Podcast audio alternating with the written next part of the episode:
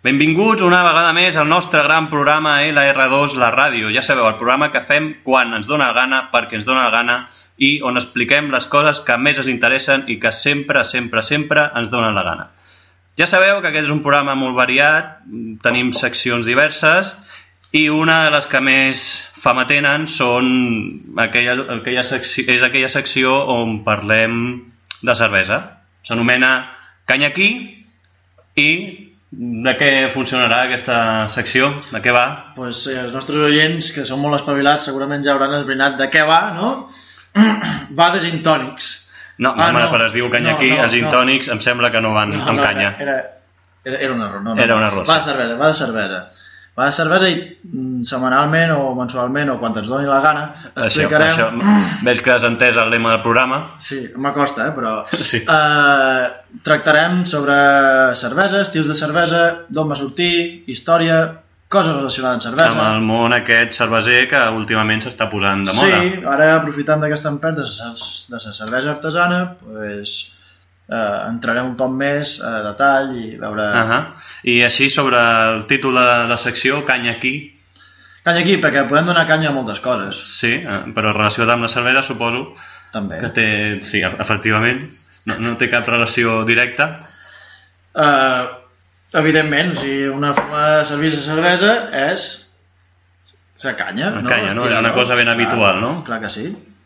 Molt bé, doncs ja es tornarem a veure aviat perquè ens expliquis coses sobre el món de la cervesa tan interessant i que, per cert, ens agrada moltíssim. Moltes gràcies. Salut. I continuem amb la inauguració de la nostra secció Freak, que vindrà a parlar... Bé, millor ens ho explica l'especialista en friqueses. Doncs aquesta secció eh, el que es tractarà és de parlar d'allò que diguem la cara B de la vida. Uh -huh. I per tant hem decidit fer un homenatge a, a Todd Browning, que va ser el director d'una pel·lícula que es diu Freak, eh, que es va estrenar als Estats Units el 1939, 32, perdó, i que portava com a títol La parada dels monstruos a l'estat espanyol.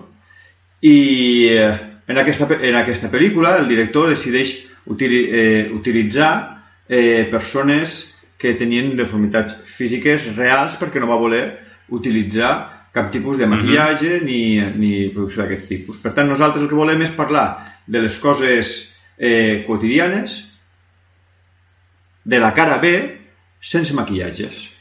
D'acord, i com ho aplicarem en aquesta secció? Doncs ho aplicarem en aquesta secció de la manera més àmplia que puguem tenir. Uh -huh. És a dir, que, això, de què parlarem? Va, anem Parlarem a... de, de sèries de televisió bones i no tan bones, de pel·lícules sempre sèrie B bones i És a dir, no parlarem, més bones no parlarem encara. de Hollywood. Eh, parlarem del Hollywood B, Bé, Hollywood bé. del Hollywood B, que sempre també, a banda de ser més real, és més canalla. I així com ens agrada la vida. Molt bé, sí, sí. Doncs res, esperarem a la propera secció per anar descobrint aquest món fric de sèrie B que tant ens agrada. Molt bé, la següent sessió començarem amb aquestes pel·lícules. Molt bé, adeu-siau. Adeu. I continuem el nostre programa d'avui de LR2 amb una de les seccions més perilloses que ens podem trobar en el món de la ràdio que es titula Ni prínceps ni princeses. Una secció on, benvinguda, suposo que ens parlaràs sobre els contes de Disney i la relació que tenen els personatges entre ells, no? Hola, benvinguts a tots, benvinguts de nou. Pues sí, eh, en aquesta secció tractarem un poc els, els contes, eh, pues sí, des del punt de vista de Disney, el mal que ha fet Disney a les parelles. Què passa? Que tots els parelles han de ser ideals? Què passa? Que tots els parelles han de tenir un final feliç? Eh? Tots els parelles han de ser guapos de la muerte. O sigui que el món de Disney ha fet molt de mal, no? Segons Sí. tu, a, Ha matat. a, a les al tipus de parelles que ens trobem, no? que totes han de ser ideals. cercam això, aquest prototip de parella, quan realment, a lo millor el que me fa feliç és tot el contrari. I això, suposo, ens aniràs explicant a poc a poc. Per exemple, un tipus de parella poc ideal segons Disney i, i que pugui ser real i fer feliç algú, no? Sí, sí, sí, sí. Cada una ha de cercar el que realment li up, tant en parella com sense parella. No hem de ser feliços tenint una parella. No hem de cercar la nostra felicitat en base a tenir una parella. Poden tenir amics que m'ho Mhm. donin més felicitat que una parella. Ahà. O també te poden tenir parella i, i després també tenir amics. Bé, Ahà. això ja en parlarem perquè és un tema molt ampli i se pot complicar un poquet i ho analitzarem entre tots. Molt bé, per tant, el que està clar és que aquí no parlarem ni de prínceps ni de princeses. Moltes gràcies i fins a la propera. Gràcies, adeu. I arribem a LR2 a la secció que més ens excita, la nostra tertúlia, on d'una manera més o menys d'actualitat parlarem d'una notícia que ens hagi sorprès i intentarem treure tot el profit possible. Hem d'advertir que no serà una tertúlia tranquil·la, sinó que serà una mica irreverent, així que, si plau que ningú es posi massa nerviós. Avui llegim una notícia que ha sortit al diari La Voz Popular, i amb aquest títol ja podem pensar on anirem, que diu beber entre 5 y 12 gin tonics diarios equivale a dos horas de deporte.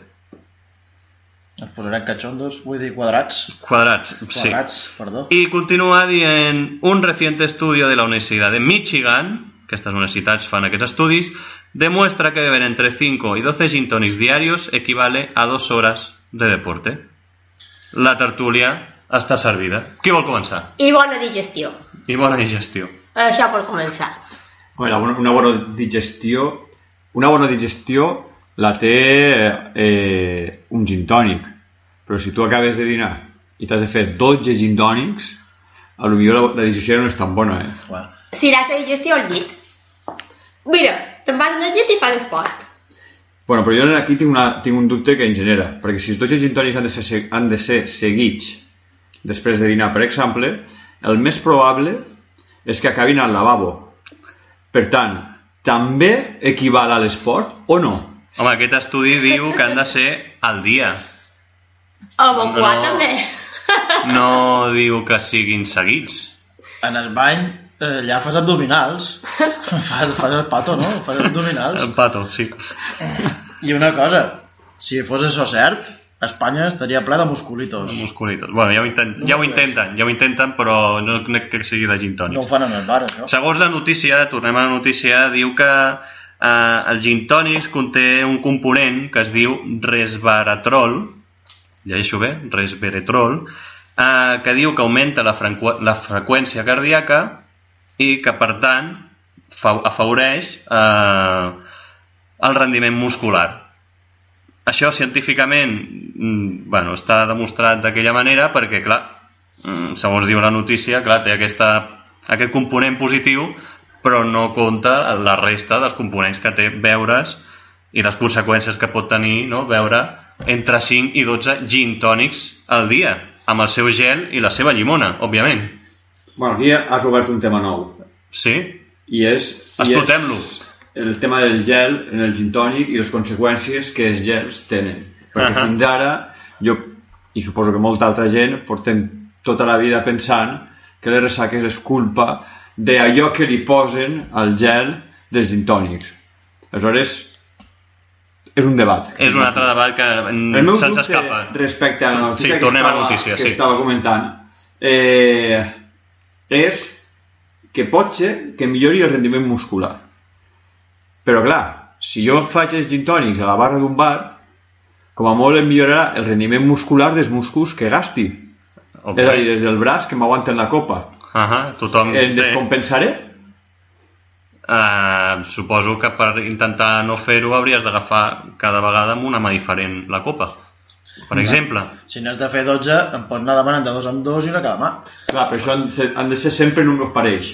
Recordeu, mai begueu un nombre imparell de gin tònics. No és per mala sort, sinó per... Per compensar. compensar, efectivament. I així sí. te'n lleves ressaca, segur. Eh? Sí, Bé, una ressaca compensada, també. Sí. També. A mi, Més coses. sí, d'aquesta notícia, la notícia l'he trobat molt, molt interessant, tant és així que m'he anat ràpidament a llegir els comentaris que hem posat sobre la notícia.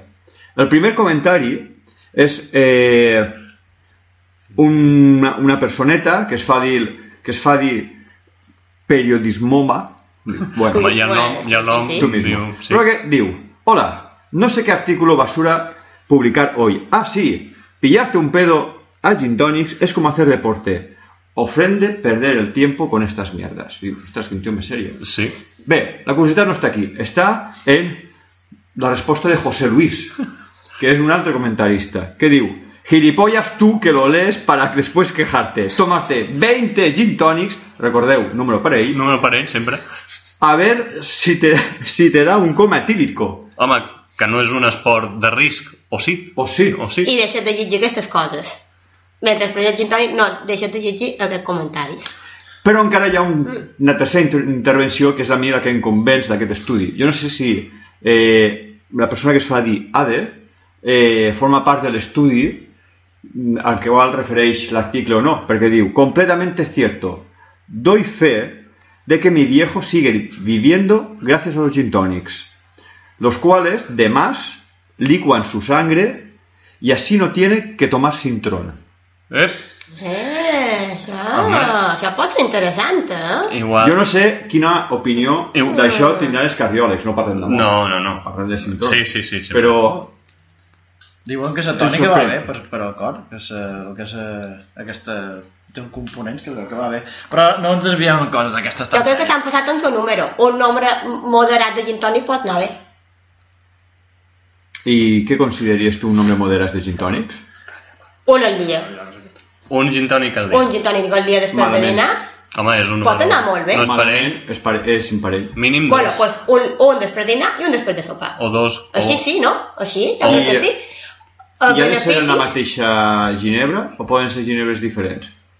Uh... a uso del consumidor. M'imagino que el de migdia li pots posar pepino, però al de la nit no, perquè clar, el pepino a la nit Infla. genera no, nassos i tal. molt indigest. Molt indigest. No, I a la nit quin acompanyament li posaries? Llenties. també molt indigest, genties, també. eh? I doncs quin li posaries? Un pot de prova. Un pot de fer... Això, això és un criteri... Un criteri, sense més. No, frambueses. Cereals. Frambueses. De temporada. De temporada, clar. De temporada, quan no hi ha, que et fiques un tos de petxuga perquè Com, hi ha algo de carn. Pot de pernil, que li doni gust al salat. Bé, com veig que no arribarem a cap conclusió, qui vulgui beure gin tònics que ho faci amb moderació. I nombre I- parell. I nombre parell, no, ho recordem sempre nombre parell. Uh, sempre amb moderació i ho deixarem aquí per aquesta vegada. Molt bé, moltes gràcies, ens retrobem en el proper programa. Salut! Salut. Adéu, adéu.